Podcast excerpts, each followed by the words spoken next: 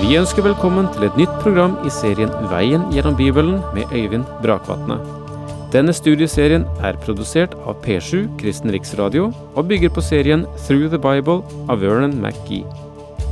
I dag fortsetter vi med første Johannes brev.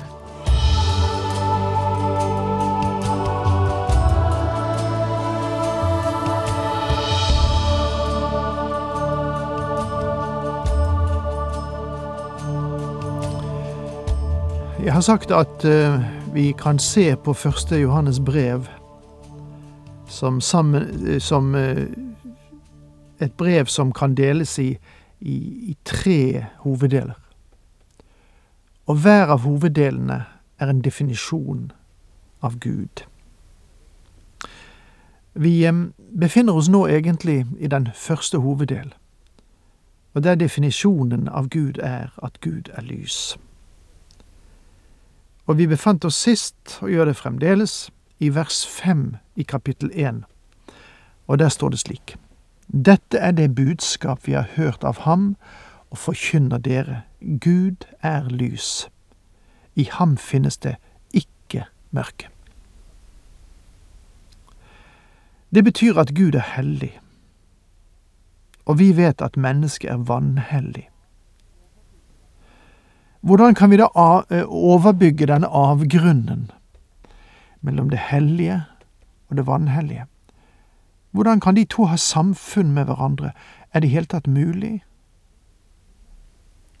Vel, det er det dilemmaet som Johannes tar opp i sitt brev og sier noen ting om, og som vi skal bevege oss inn i også, og er delvis inn i.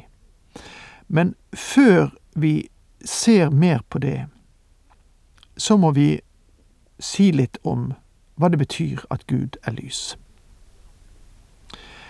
Jeg begynte sist ved avslutningen å si noe om det, og jeg sa at først av alt taler lyset om herlighet, det strålende, det vakre og det vidunderlige ved Gud. Det sa vi oss ferdig med da sist.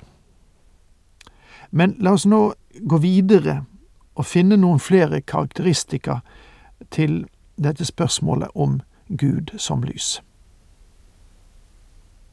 Et annet karakteristisk trekk, nemlig, ved lyset, er at det er selvåpenbarende.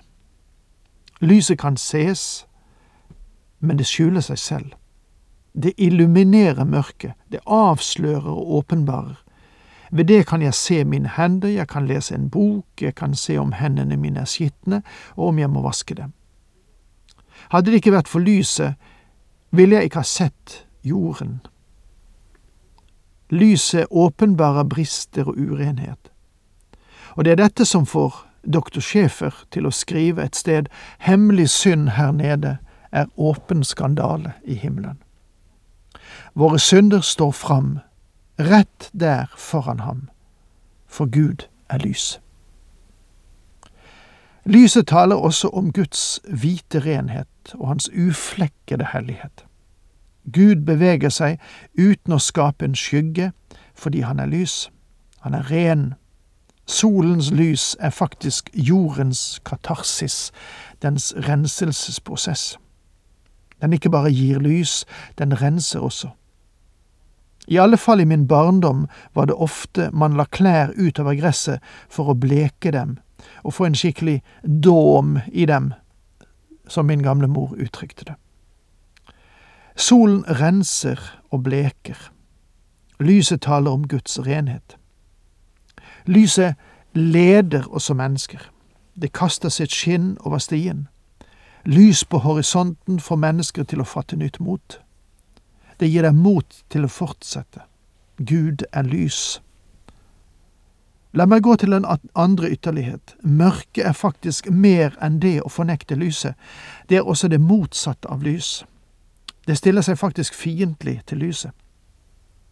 Guds lys og hellighet står i en direkte konflikt med det onde mørket og verdens kaos. Og nå står vi altså her med et dilemma. Jeg er en liten skapning her nede på jorden full av synd, og vil du vite sannheten, så er jeg totalt fordervet. Uten Guds nåde til frelse ville jeg ikke vært noe annet i verden enn en skapning i opprør mot Gud, uten noe godt i meg i hele tatt. Og Gud har gjort det helt klart at han finner ikke noe godt i mennesket. Paulus sier, for jeg vet at i meg, det vil si i mitt kjød, finnes intet godt, som det står i Romane 7, vers 18. Og Paulus sier også, det finnes ingen som er rettferdig, nei, ikke én, som det står i Romane 3, 10. Det er ikke bare det at de ikke har noen iboende godhet, men de er også i opprør mot Gud.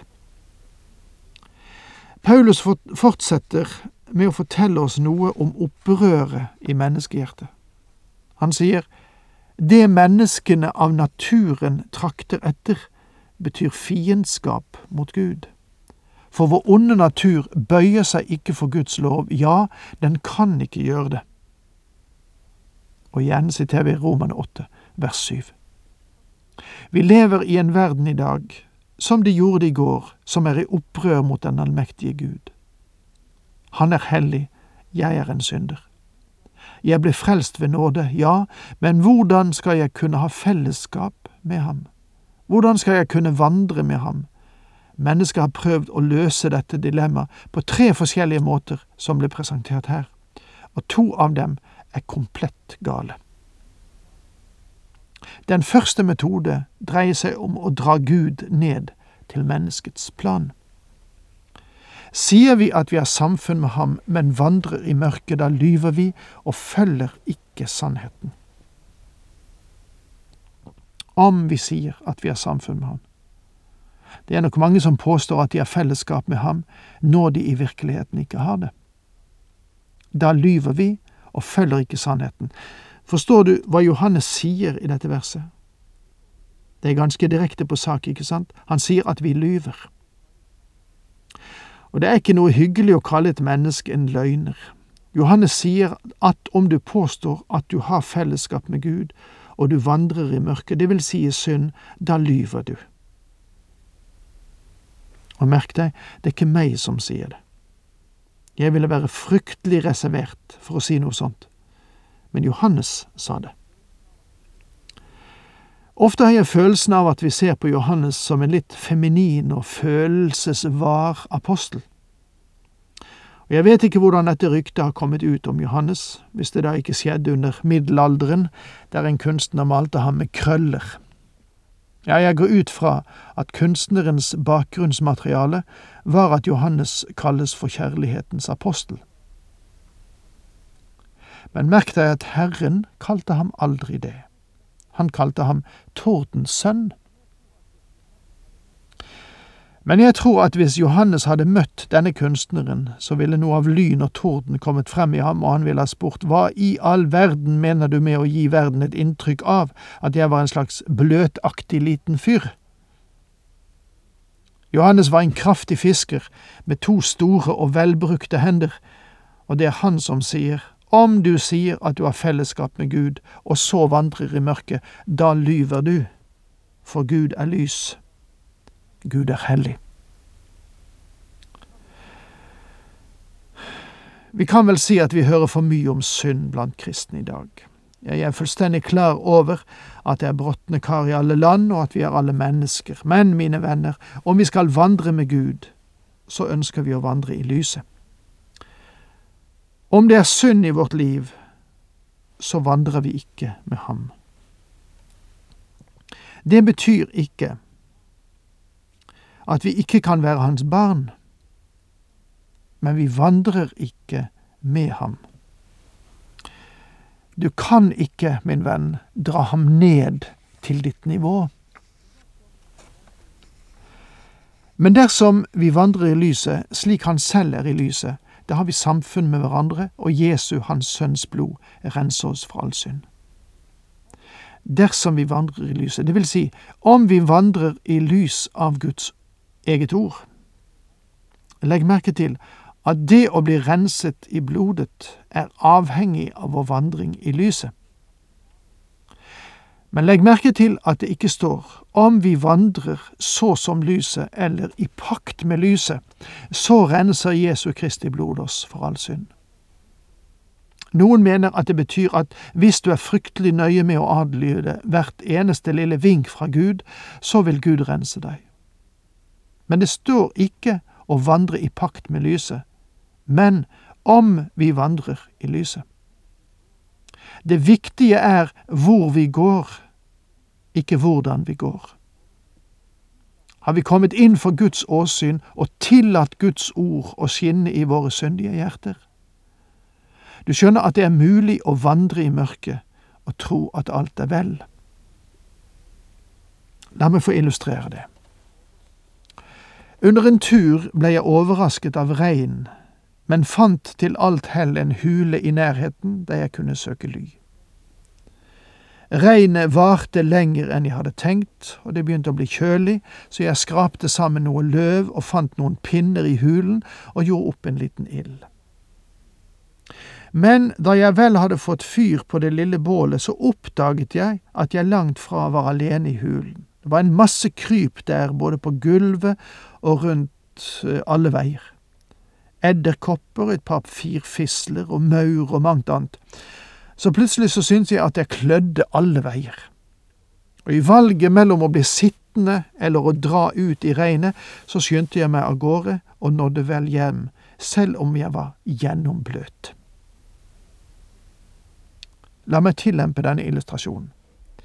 Jeg hadde sittet der i stor ro en god stund i mørket, men da lyset fra det lille bålet åpenbarte hva som var i denne hulen, da kjente jeg meg ikke særlig vel der.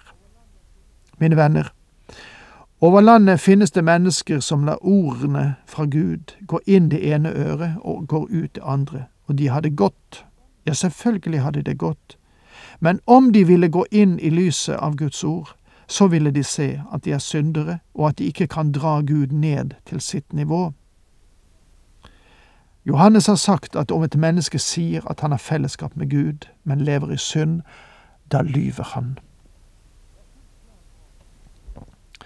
Jeg er fullt klar over at vi lever i en tid der den moralske standard forandrer seg drastisk og folk rasjonaliserer, vil si finner fornuftsgrunner for sin synd og forsøker å bortforklare den.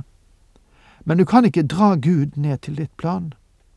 Om du vil leve i synd, må du si farvel til Guds fellesskap. Om du ser det på annet vis, så dårer du deg selv og bruker psykologiske triks for å berge ansiktet. Nå vel, sett nå at du er et Guds barn, og at du lever i synd, men du ser den nå i lys av Guds ord. Har du da tapt din frelse? Da lyset i mitt studerkammer avslørte at jeg hadde skitne hender, så gikk jeg og vasket dem. Og Johannes sier, og Jesu hans sønns blod renser oss fra all synd. Dette ordet renser står i presens nåtid, og det betyr at Kristi blod fortsetter å rense fra all synd. Du har ikke mistet din frelse, men du har mistet ditt fellesskap, og du kan ikke gjenvinne ditt fellesskap med Gud før du blir renset. Og med det, takk for nå, Herren med deg.